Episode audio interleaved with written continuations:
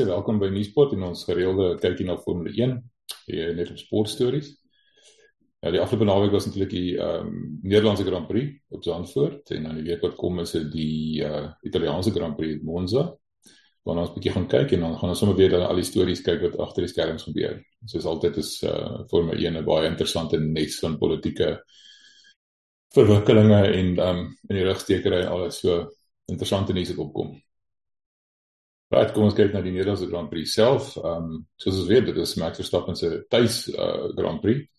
En die Nederlanders is natuurlik vurig ondersteuners en hulle het in hulle honderdduisende opge opgeruk met hulle oranje hoedjies en oranje keppies en natuurlik hulle flippende irriterende ehm um, oranje fakkels. En uh, alhoewel die organiseerders voor die tyd gesê dat hulle nog nie die fakkels inbring nie, het hulle nie daaraan gesteer nie en op stadium was die baan in omtrent oranje waas gehul. En van die klomp ondersteuners het natuurlik sommer van uh, hulle vakkels op die baan gegooi soveel sodat die hele kwalifikasieringsronde gestop moes geword het. En uh, om dan die vakkels te verwyder, maar dan moes ek ook net noem, daar was natuurlik 'n hele paar duwe ehm um, wat hulle ook nie veel gesteer het in al die reaksie op die baan nie en rustig op die gesit het en ehm um, middagete geniet het wat die wat ook moes gemaak het dat die kwalifikasiering gestop is. So hoe aksie soos gewoonlik. Ja, daar verlede week se totale oorheersing van Red Bull in die Belgiese Grand Prix was die ander spanne maar redelik pessimisties oor hulle kans in hierdie Grand Prix. Die baan is baie moeiliker om verby te vat. En as Red Bull nou weer dieselfde vorm sou uitstel wat hulle laasweek gehad het, het die ander spanne nie eintlik 'n kans gestaan nie. Maar almal se gemoedere het 'n bietjie opgeflikker toe opgeflikker beter gevoel toe Max in, in die eerste oefenrondes gaan staan het met 'n radkasprobleem en wat dit dan basies veroorsaak het is dat hy nie genoeg kon oefen om vir die span data te gee hoe hulle hulle strategie vir die wedstryd moet vir die wedstryd moet bepaal nie. So die ander spanne het so 'n bietjie meer hoop daar uitgeskep. En in die volgende oefenronde sê dit gelyk asof die Ferraris en die Mercedes en selfs Lando Norris en McLaren dalk hierdie naweek vir 'n verrassing kan sorg. Die Ferraris was 'n paar keer die vinnigste op die baan. Mercedes het baie goed gelyk. Maar natuurlik toe die kwalifikasieringsrondes aanbreek, ehm um, toe was 'n ander storie. Uh dit was baie naby in die sin van Verstappen het die eerste twee rondes van die Q uh, kwalifikasiering Q1 en Q2 het hy net een keer uitgegaan en die tyd opgestel. Maar die derde een kom tussen die Ferraris baie vinnig en Charles Leclerc was was was ver voor. Verstappen het dan geslaag om met 0,019 sekondes voor hom in die eerste plek te eindig. Maar die Mercedes was so en die McLaren van Lando Norris was op 'n baie vinnige ronde gewees.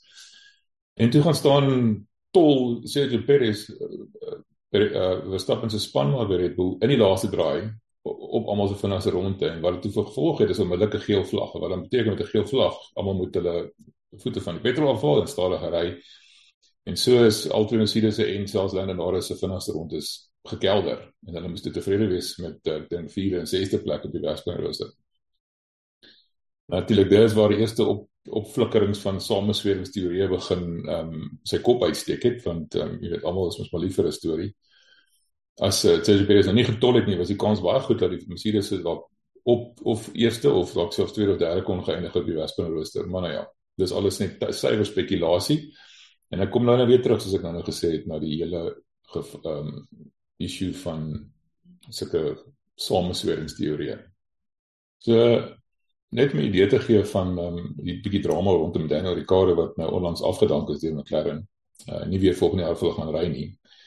Is dat die spanmaats Lando Norris in dieselfde motor 70 geëindig het. Dat die top 7 motors 0,8 sekondes uit mekaar het is en ehm um, Ricciardo was in 17de plek gewees. Natuurlik die allerlei verskonings gehad wat nou gebeur het. Daar was sand op die pad en uit gegly en maar dat hy duidelik ehm um, ek dink sielkundig die stryd verloor het teen teen teen Lando Norris is is nie te betwyfel nie. Hy is nou wel talentvol en alles, maar die McLaren is hom net eenvoudig nie vir hom nie. 'n Sterk span wat soos Norris hy staan nie veel van 'n kans nie. Ja, nou dis daar is die karre baie dieselfde. Die Red Bull is natuurlik baie vinniger veral in 'n in 'n 'n 'n pylfak. As hy topspeed baie hoër is as die ander spanne, maar my weet jy is nie 'n eenvoudige geval van kommunikasie en kyk wie eers eindig nie. Dit daar is baie faktore wat 'n rol speel en strategie is die deel van die heel belangrikstes. En wat ek bedoel met strategie is op watter bande gaan die motors wegspring? Hoeveel keer gaan hulle stop om bande vir te vervang? Ehm um, hoeveel tyd gaan hulle verloor met elke kuipe stop ensovoorts. En die ehm um, die gedagte daaraan is dat as jy 'n tipiese kuipe stop doen, verloor jy ongeveer 20 sekondes. Maar as jy nou die nuwe bande opsit, is die bande gewoonlik soveel vinniger as die bande wat reeds ouer die ander motors nog steeds op die baan mee ry dat jy dalk daai 20 sekondes kan opmaak suiwer op grond van die verrigting van die bande. So die algemene gevoel was dat hierdie wedren sou 'n twee-stop strategie gewees het. Nou die basis eerste basiese reël van Formule 1 bande is dat jy moet twee van die drie komponente gebruik. Nou ons weet almal ehm um, daar's 'n sag, 'n medium en 'n harde komponent. So jy moet ten minste 'n sag of 'n medium, 'n sag en 'n medium of 'n medium en 'n harde vir sag en hard, jy moet ten minste twee van daai drie in enige wedren kan gebruik. Dit beteken ten minste een kuiper stop is verpligting. So almal het nou besluit hulle spring op sagte bande weg, behalwe Mercedes het besluit hulle spring op medium bande weg. Nou die gevaar aan medium bande wegspring is dat jy in die begin veral op 'n wegspring gaan jy baie baie tyd verloor. So die ander spanne met sagte bande het meer greep op die pad en hulle sal dan 'n beter wegspring hê en dan kan jy daar verbyvat. Maar die medium bande hou langer. So die ouens met die sagte bande gaan ook vroeër moet stop en meer as een keer moet stop terwyl die ouens met medium bande langer kan aanhou in die bande hoe langer hulle ry, hoe beter raak hulle vir 'n hele lang ry voor hulle begin werkrigting verloor. So dit Mercedes nou medium bande spring, het almal begin besef dat Mercedes waarskynlik net eendag gaan stop en gaan verander na harde bande toe en dan gaan probeer uithou tot die einde van die wedren terwyl die Red Bulls en Ferraris almal besluit het hulle begin op sagte bande en dat hulle ehm um, gaan twee keer moet stop. Ons gaan een keer vir mediums en dan nader na die einde toe vinniger op sagte bande gaan en dan probeer so vinnig as moontlik te jaag om dalk die Mercedes te moet inhaal. Nou om die drama te verstaan wat in die Nederlandse Grand Prix gebeur het, moet mens verstaan wat maak 'n suksesvolle Formule 1 span. Eerste plek natuurlik baie belangrik is die bestuurder. Nou maar anders as ander mense, baie mense dink is die bestuurder nie die maak of breek van die van 'n suksesvolle motor. En natuurlik is hy nou Lewis Hamilton of Max Verstappen selfs as jy sal kleer in jou span het dan net jy 'n voorsprong bo ander want 'n uh, goeie jaar in 'n gemiddelde motor is beter as 'n gemiddelde jaar in 'n goeie motor. Hulle het altyd daai vermoë om daai ekstra paar millisekondes uit daai kar uit te wurg. So die eerste komponent natuurlik is die is die bestuurder. Tweede komponent is die die kar self. As die kar baie goed uh verrigting het dan maak dit 'n verskil en die derde faktor is die ontwerper. Nou daai kar kan nie 'n goeie kar wees as die ontwerper nie standaard is nie. En deesdae in Formule 1 is die ontwerpers amper meer rocksterre as wat die drywers is. In Red Bull se geval is die ontwerper Adrian Newey. Nou, hy is die guru van Formule 1 ontwerp. En hy is algemeen bekend as die ou wat altyd een van die raads die hoed dit kan trek as die regulasies verander en een of ander voorsprong kan kan uitdink wat die ander spanne nie aangedink het. En hierdie jaar is nou 'n klassieke voorbeeld daarvan. Um Adrian Newey kar staan maar net kop en skouers bo al die ander uit hy begin die jare miskien swak begin vir Red Bull veral in terme van ehm um, betroubaarheid. Maar soos die jaar aangegaan het, die die betroubaarheidsprobleme uitgesorteer geraak. Hulle het 'n bietjie gewigsprobleme gehad. Dis uitgesorteer en die, in die Red Bull is nou los aan kop en skouers bo die ander. Die vierde aspek van 'n suksesvolle motor is natuurlik uh, vir my inspanning is natuurlik hulle strategie. En om dit te kan bewerkstellig, het jy 'n meeste strategie strategie nodig weer eens in Bull se geval, ek het voorheen daaroor gepraat, dis die strateeg Anna Schmidt. Die jong uh meganiese ingenieur met 'n meestersgraad van Cambridge Universiteit. Maar haar groot voordeel is dat die feit dat sy massas data baie vinnig kan interpreteer en dan op 'n verstaanbare en vinnige manier aan die span kan oordra, soos die strategie verander, soos die soos die wedren jy plan voor die tyd, maar soos die wedren ontwikkel, gebeur daar dikwels onvoorsiene goeders en sy het die vermoë beter as enige ander strateeg in enige ander span om uh, om die strategie van die span onmiddellik daarbey aan te pas. En dit is een van die redes hoekom Red Bull so suksesvol is hierdie jaar. Nou ja, soos ek sê, die strategie vir Red Bull hierdie Adrian was begin op sagte bande, hy ehm um, stop twee keer, eerste keer ry hy vir medium bande en dan nader aan die einde toe gaan hy op sagte bande. Maar uh hierdie strategie het nie so goed gewerk nie. Um, die Red Bull het begin stoom verloor teen um, die Mercedes en die Mercedes het al vinniger geword soos die baan aangaan het. Die sagte bande het al meer verbeter en hulle werkverrigting afgeneem terwyl die medium bande verbeter het en en konstante uh, werkvrugte bly lewer. So dit beteken dat veral as jy nou agneem die Kuipe se spoedbeperking hierdie hierdie hierdie week was net 60 km/h in plaas van 80 dat 'n Kuipe stop nie duurder is in terme van tyd as 'n gewone Kuipe stop gewoonlik sou gewees het. Verskillik het dit begin lyk like, as dit Mercedes 'n waarskynlik kan staan om met hulle een stop strategie dalk eerste te kan eindig, eerste en tweede in geval van Hamilton en Russell. So Verstappen en Red Bull het 'n bietjie van 'n wonderwerk nodig gehad. En toe verskyn daar 'n wonderwerk en dis nou hier waar al die samesweringsteorieë nou begin ontpop het en kop uitgesteek het. Yuki Tsunoda van AlphaTauri wat nou Red Bull se susterspan is het nie bande gerou en toe uit is toe laat weet hy die kuiper dat hy dink een van sy bande is nie ordentlik vasgemaak nie en hy het toe langs die baan gestop en ehm um, lyk asof hy toe sy veiligheidsgordel goeders begin losmaak het maar die span het met hulle weet daar's niks fout nie. Hy moet aanhou ry en terugkom na die kuiper toe wat hy wel gedoen het en toe hy nou in die kuiper inkom toe kan jy nou sien hoe sukkel hulle om sy veiligheidsgordels weer vas te maak. Hy's natuurlik 'n groot moeilikheid oor hy mag nie met sonder veiligheidsgordels ry nie. Jy weet ons onthou Gilles Villeneuve was in 1982 dood toe hy sonder veiligheidsgordels in 'n in 'n woede by sy spanmaat se kwalifikasietyd gejaag het en toe uit die motor uit gegooi is in 'n botsing. So hy het deur die lug getrek en hy die einde getref en is oorlede. En dis een van die redes hoekom hulle so streng is daarop. Maar nou is om te sê, ehm um, toe nou dat hy net terug en hy is weer uit op die baan en toe stop hy weer. En toe nadat hulle agterkom dis die ewenaar wat 'n probleem veroorsaak het en so voort, maar die punt is daar's toe 'n met 'n virtual safety car uitgeroep. Wat dit beteken, al die spanne moet hulle karre met hulle spoed met 40% verminder. En um, niemand mag verbysteek, maar jy mag wel bande ry. En wat toe gebeur het, Max Verstappen het toe vinnig in die kuipe ingegaan. Bande genuwe stel bande opgesit. Mercedes het dit ook gedoen, maar die voordeel wat hulle sou gehad het in terme van die een stop strategie is toe by die venster uit. En toe later in die wedren het uh, Bottas se Alfa Romeo op die pole gaan staan dit is dan nou volledige veiligheidsmotor uitgeroep en almal het toe nou ingelid agter mekaar begin ry. Hamilton voor, maar hy het op sy op sy medium bande gebly en ehm um, daartoe Russell wat sy spanmaat is en het toe wat agter hom was maar voor verstap en het besluit hy gaan ook in die kuipe ingaan en vir 'n sagte bande opsit. En natuurlik wat dit beteken is dat daar's Russell moes as 'n buffer gedien het tussen Hamilton in die eerste plek en Verstappen in die derde plek. So toe Russell nou in die kuipe ingaan, toe val hy terug na die derde plek toe. Dis al niemand tussen Verstappen en Hamilton nie. En toe die uh wedren weer vat, dis uh, Max Verstappen onmiddellik by by um, Hamilton verby. Hamilton was baie ongelukkig. Hy het 'n hele klomp swets hoor oor die oor die um, radio laat laat ehm um, laat hoor. En daar het hy verskoning gevra, maar hy was uiters gefrustreerd want hulle kon sien hy was seker oorwinning of ten minste 'n sekere podium deur hulle vingers geglip het hierso. En dit is 'n volgende strategie. Red Bull se strategie het vinniger gereageer as Mercedes se strategie gereageer het. So nou is die vraag die virtual safety car wat veroorsaak is deur Tsunoda se vreemde gedrag, sy twee keer se stop in twee rondes. Het iemand by Red Bull die telefoon opgetel en vir um, AlphaTauri gebel en gesê luister my maat, sorg dat daar iets gebeur want Verstappen moet is bietjie die moeilikheid hierso. En ek het nou al baie hieroor gelees en met klomp verskillende mense onderhoude gekyk en alles en dit is duidelik dat dit nie die geval was nie. Uh, Verstappen is amper 100 punte voor die tweede ou in die kampioenskap. En die gevolge as jy uitgevang kan word vir so iets is dit is ongelooflik. Um, die strawe is drakonies. Jy gaan die span gaan al hulle punte verloor. Daar gaan geweldige boetes opgelê word. En in terme van die punte wat belangrik is, die prysgeld in Formule 1 word verdeel tussen die spanne gegrond op jou punte. So meer punte jy het, hoe meer geld gaan jy kry. So dit kon so as dit dalk nou op die einde van die seisoen was en daar was een of twee punte verskil kon 'n ou miskien dit nog die rasionaal verstaan dat iemand so iets sou gedoen, maar dit beteken nie dit sou wel gebeur het nie.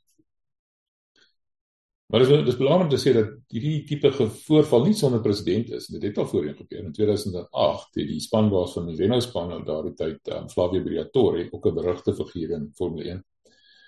Hy sy tweede bestuurder, Nelson Piquet Jr, opdrag gegee om in die muur vas te ry sodat daar 'n veiligheidsmotor kan uitkom, safety car. En wat dit dan tot gevolg gehad is dat sy spanmaat daarster en Fernando Alonso in die Cape kon induik, nuwe bande opsit en toe die wetter en so kon wen. Nou hulle het dit nou toe uitgevang daar. By Engse boetes opgelê en Briatore is lewenslank verban uit um, uit Formule 1 uit. Ehm um, dit lyk nie asof hy so al voor van vergewe is alhoewel hy nie direk betrokke is by uh vir myself nie, maar meer as 'n agent optree vir van die bestuurders en so voort. Maar ja, soos ek sê, daar was 'n president vir die ding, maar in hierdie geval kom die vraag te antwoord definitief nie. Daar is geen gekonkurrensie en dit is nie nodig in eerste plek nie en die ehm um, die kans dat jy uitgevang gaan word is net vir te groot. Miskien moet jy kop skud vir die teorieë en natuurlik die internet trolls het nou mal gegaan en vir Anna Schmitz persoonlik sleg gesê in die kop gewas in die op sosiale media. Soveel so dat ehm um, Lewis Hamilton 'n tweet geplaas het of Instagram geplaas het en gesê het dat um, die mense moet ophou daarmee daar's niks snaaks in hierdie situasie nie en sy is net eenvoudig kop en skouers bo enige ander strategie en enige span sou gelukkig gewees het om haar as strateeg te kon gee te kon te kon hê. Alfatari het ook 'n verklaring uitgereik waar hulle mis nou uitspreek met hierdie teorieë en duidelik maak dat hulle onafhanklike span is. en wat hulle nooit hulle aan sulke on, onsportiewe gedrag sou skuldig maak nie. So anyway, die die reisies toe ervaar, Verstappen het gewen. Hamilton al verder teruggeval, hy het vierde geëindig, Russell het tweede geëindig en Leclerc derde geëindig. Wat kan ons leer uit hierdie wedren uit? Ehm um, ek Mercedes was nêrens in Spanje en dit was kommerwekkend geweest. Uh, maar dit lyk daarom of nou na met, met hierdie Nederlandse Grand Prix hulle weer hulle voete gevind en asof hulle besig is met 'n amper resurgence, dat hulle besig is om 'n terugkeer te maak. En ek dink ons kan ook nog sien dat Mercedes voor die einde van die jaar nog 'n wedren kan wen. En verder dink ek definitief dat Mercedes vir Ferrari gaan verbysteek in, in die tweede plek in die vervaardigingskampioenskap. Ehm um, terwyl Mercedes besig is om opwaarde kurwe, is Ferrari besig om al verder agteruit te gaan. Onder andere as gevolg van hulle swak strategie. Ek het al meer as eendag gesê dat hulle hulle strategie kleuterskool dalk moet vervang met iemand soos Anna Schmidt. Maak haar aanbod wat sy nie kan weier nie. Ek glo niks om te verloor nie, kan net beter doen. Ferrari het self net weer lekker in die voet geskiet sonder hulle kyk bestop gereël vir Sainz het ingekom. Dit is die bande nie gereed nie hulle het hulle ehm um, die lugdruk hoor waarmee jy die bande vir die bande vervang in die op die pad laat lê en die Red Bull van Perez boor gery. Dit is so amateuragtig vir spans Ferrari. Eintlik skokkend. Ehm um, en ek sien nie verbaas as die spanbaas van Ferrari, Matteo Binotto, se koprol voor einde van die jaar nie of dan ten minste kort voor lank nie. Reg, kom ons kyk nou hierdie naweek wat nou kom se wedren, dis die derde wedren in in in 'n ry, 'n sogenaamde triple header. Hierdie een is die Italiaanse Grand Prix op Monza. Nou, dis ook 'n baie vinnige baan en in die verlede was al baie aksie. Ek onthou verlede jaar het ehm um, het Hamilton en Verstappen met hulle ewigdurende gebekleier het tussen mekaar het, het Verstappen bo op Hamilton se kar geëindig.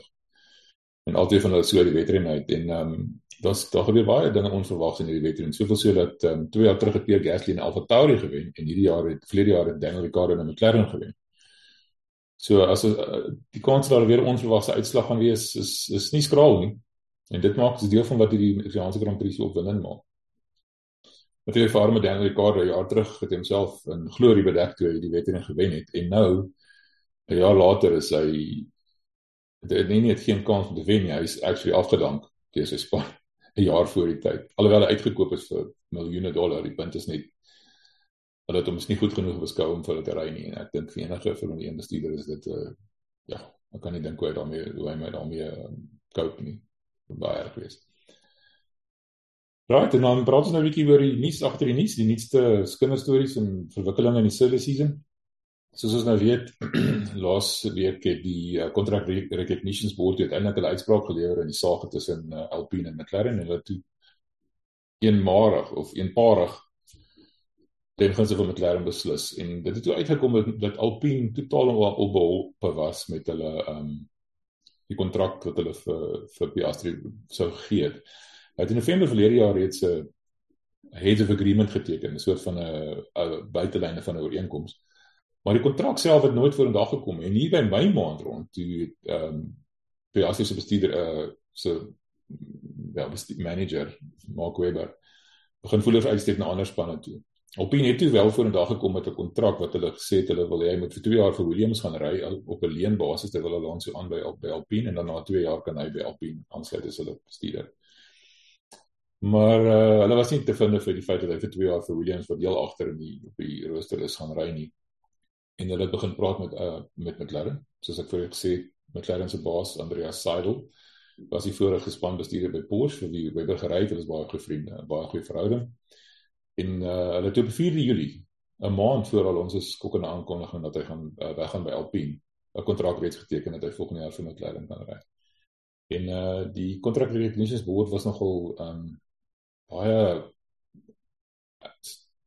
skeiding in hulle in hulle opmerkings wat hulle gemaak het hoe, hoe swak Alpine hierdie hele ding gehanteer het. Alpine voel my vreeslik in die gesig gevat en hulle um praat oor integriteit en alles, maar weet jy wat, ek dink um, hulle dink hulle self te blameer hiervoor. So lank en kort van is Piastri word volgende jaar lander na as 'n spanmaat. Ek dink dit behoort 'n interessante kombinasie te wees. Ehm um, Piastri is nog hier is nog nie homself bewys in Formule 1 nie, maar dit dat dat hy talent het is nie te betwyfel nie. Of hy talent het om met iemand soos Lando Norris mee te doen is natuurlik 'n ander vraag. Maar ons sal sien tyd sal leer. So die vraag wat oorlei is, wie gaan nou uiteindelik vir Alpine ry? Aanvanklik is daar gedink dat Daniel Ricciardo dalk net uh, direkte ruil gaan doen met ehm um, Piastri dat hy Piastri kom McLaren toe en Ricciardo gaan terug Alpine toe vir wie hy voorheen gery het toe hy nog Renault was. Maar daai uh, gerug het tussen lyk like my weggesterf en dit lyk nou asof um, Alpine met AlphaTauri onderhandel het om Pierre Gasly te te vry te stel sodat hy vir hulle kan gaan ry. En dit die naweek het uh, die Oostenrykse korrelkop uh, bestuurder van die Red Bull Akademie, Helmut Marko, het gesê luister, die span het almal ooreenkoms bereik dat Gasly kan vir Alpine gaan ry op voorwaarde dat uh, Colton Herta, 'n Amerikaanse jaar wat in IndyCar deelneem, vir AlphaTauri kan ry. En die rede hoekom dit 'n voorwaarde is is dat uh, Colton Herta kwalifiseer nie vir 'n superlisensie nie. Jy moet 40 punte hê wat jy nou kry as jy verskillende uitslae kry en al die onder onderskeie uh, motorreekse, motorwedrenreekse en hy slegs 32. So dat nou aansoek doen vir 'n spesiale dispensasie dat hy nou sy punte kan kry en dat hy dan wel vir AlphaTauri kan ry. Daar's natuurlik ongelooflik baie voordele aan om 'n Amerikaanse jaar te kry om vir te kom ry. Amerika die Amerikaanse mark vir Formule 1 het ontplof na die sukses van die Netflix reeks Drive to Survive. En ehm um, ons weet dat Mario Andretti se span baie ernstig uh, op soek is na 'n manier om in Formule 1 te kan inkom. Hulle het verlede jaar onderhandel met Sauber en op nommer 99 het Sauber onttrek. En soos ons weet het Audi nou gaan Audi nou vir Sauber koop. So van Andretti om in Formule 1 te kon inkom moet hy nou moet hy nou 200 miljoen dollar anti-dilution fee betaal. Dit beteken is dan nou daar's nou die prysgeld wat ek vroeër dan verwys het, is voorheen die 10 spanne verdeel. Maar as hy nou so bykom sodat 11 spanne wees, elke span sou dan minder geld kry en hy moet dan 200 miljoen dollar inbetaal om seker te maak die ander spanne verloor nie uit op die prysgeld teen wat hulle nou kry nie. Maar die ander spanne het dit oral probeer blok werklik kan. So hy was sover onsuksesvol. Maar nou lyk dit asof die rede Golden Hurt ry vir Andretti in die kar. Die rede kom Andretti toegelaat nou ingestem het dat oor Erta na ehm um, aan Avatar te mag gaan, is dit hy waarskynlik vir Avatar wil koop. En dit lyk asof die baas van die hele Red Bull Empire, Peter Matthews, wil aftree 78 en nou, dit lyk asof hy dinge wil soort van begin ontknoop en een van die dinge wat hy wil doen is om vir om vir Avatar te verkoop. En uh, ja, dit word interessante verwikkelings. Een van die ander dinge wat hy wil doen is hy wil ehm um, hy wil vir Porsche inbring as 'n uh, 50-50 vennoot in Red Bull en dit baie sterk uh, gerugte geword en is soveel sodat daar maatskappy dokumente uitgelek het wat gelyk het dat as dit nou soort van die toekoms vir Red Bull gaan wees. Maar baie interessant. Daai plan lyk binne skielik gelyk. En dit lyk asof die Red Bull nou onderhandel met Porsche. Elke vergadering wat hulle gehad het, het daar nog 'n klomp bestuurders opgedaag sodat Porsche ag Red Bull so van oorweldig begin word deur die totale korporatiewe versmoring wat Porsche dit wese gebring het. En hulle begin klein koppie trek. Hulle begin koue voete kry. En nou lyk dit of daai transaksie van die baan af is. So wat nou vir Porsche? Hulle bly basies drie opsies oor. Een is uh Aston Martin, ander is McLaren en ander is Williams. Dit is vier opsies wat jy heeltemal dat hulle glad nie vir my aankom, maar ek dink dit is hulle belangrik om in te kom en hulle sal probeer om 'n manier te kry. My eerste reaksie was dat Aston Martin en McLaren nie opsies sal wees omdat albei van hulle ook sportmotors vervaardig vir normale padgebruik en dan direkte kompetisie vir Porsche is, maar Nou is daar 'n gerig wat loop wat sê dat omdat Andreas Seidel voor hy by Porsche was en nou by McLaren is, so goeie verhouding met Porsche, dis daar baie sterk kans dat Porsche dalk by McLaren gaan aansluit en aandele gaan koop by McLaren. Die ander opsie is natuurlik dat hy met iemand soos Williams gaan saamspel, saamsmelt, maar die groot ehm um, drawback is die feit dat Red Bull 'n hele volledige engine of afdeling ontwikkel binne 'n jaar, binne 55 weke het hulle van niks af, van nul af. Fabriek gebou, oor die 300 mense gewerf, onder andere van Mercedes se uh, engine gurus. En net voor die somervakansie het hulle hulle eerste engines laat laat toets. So hulle is ver, hulle het nie vir Porsche nodig nie. So Porsche sou effektief ingekom het en dan hierdie projek oorgeneem het. En hierdie engines is eintlik aanvanklik ontwikkel deur Honda wat aan die einde van laas jaar onttrek het en dit is tot einde 25 25 nog onder 'n ander naam nou vir Red Bull hierdie engines verskaf. So as hulle nou by McLaren of Williams aansluit, sal hulle hele engine projek van nul af moet begin. En of hulle dit kan doen of gaan doen met die 4 jaar wat daaroor is, is is 'n oop vraag. Ons kan verstaan dat Red Bull klein kopie getrek het. Hulle is 'n suksesvolle span, hulle het fantastiese uh, ontwerpers, beste strategieë, beste drywers in die besigheid op die oomblik dat hierdie presies nou genoem het hierdie engine fabriek van af van die grond af gekry. Hoekom sal hulle nou ter wille van die geld 'n vernoot wat hulle nie nodig het nie, 'n vernoot inkry wat hulle dalk kan versmoor. Hulle het nog altyd gedoen op hulle onafhanklikheid. Die feit dat hulle vlugvoetig is, as iets gebeur kan hulle vinnig reageer. Terwyl van ander meer korporatiewe spanne onder andere Mercedes baie meer romslomp ingebou het en dit kan veroorsaak dat hulle stadiger reageer. En dis een van die redes vir Red Bull se sukses, die feit dat hulle so vlugvoetig is as gevolg van hulle aanvanklikheid. So net net om te sê ek dis nie verbaas dat um, dat Red Bull dalk bietjie kan klein kopie trek hier so. Ja, ek is nog baie wat ons oor kan praat, maar tyd is 'n probleem. So ehm um, ons sal kyk wat hierdie weet nie gebeur. Ons praat nou weer later hierdie week as ek kyk nou die naweek se sport wat kom. Dis die tweede toets cricket toets, dit is nog die derde cricket toets in Engelse die reeks is gelyk op op 1 elkeen hopelik kan ons nou hierdie keer nie weer so in duie stort soos met die tweede toets nie. Ons kyk uh, na die Amerikaanse Ope en natuurlik kyk ons na die Sevens uh, Wêreldbeker wat hierdie naweek in die, in die Kaap plaasvind. Wat ons kansse is en wat ons pad gaan wees om as wêreldkampioen gekroon te word. Um, dit sal 'n baie interessante bespreking wees. Reg, dan praat ons binnekort weer. Groetnis. Nuuspot die tuiste vir Afrikaanse stories agter die nuus.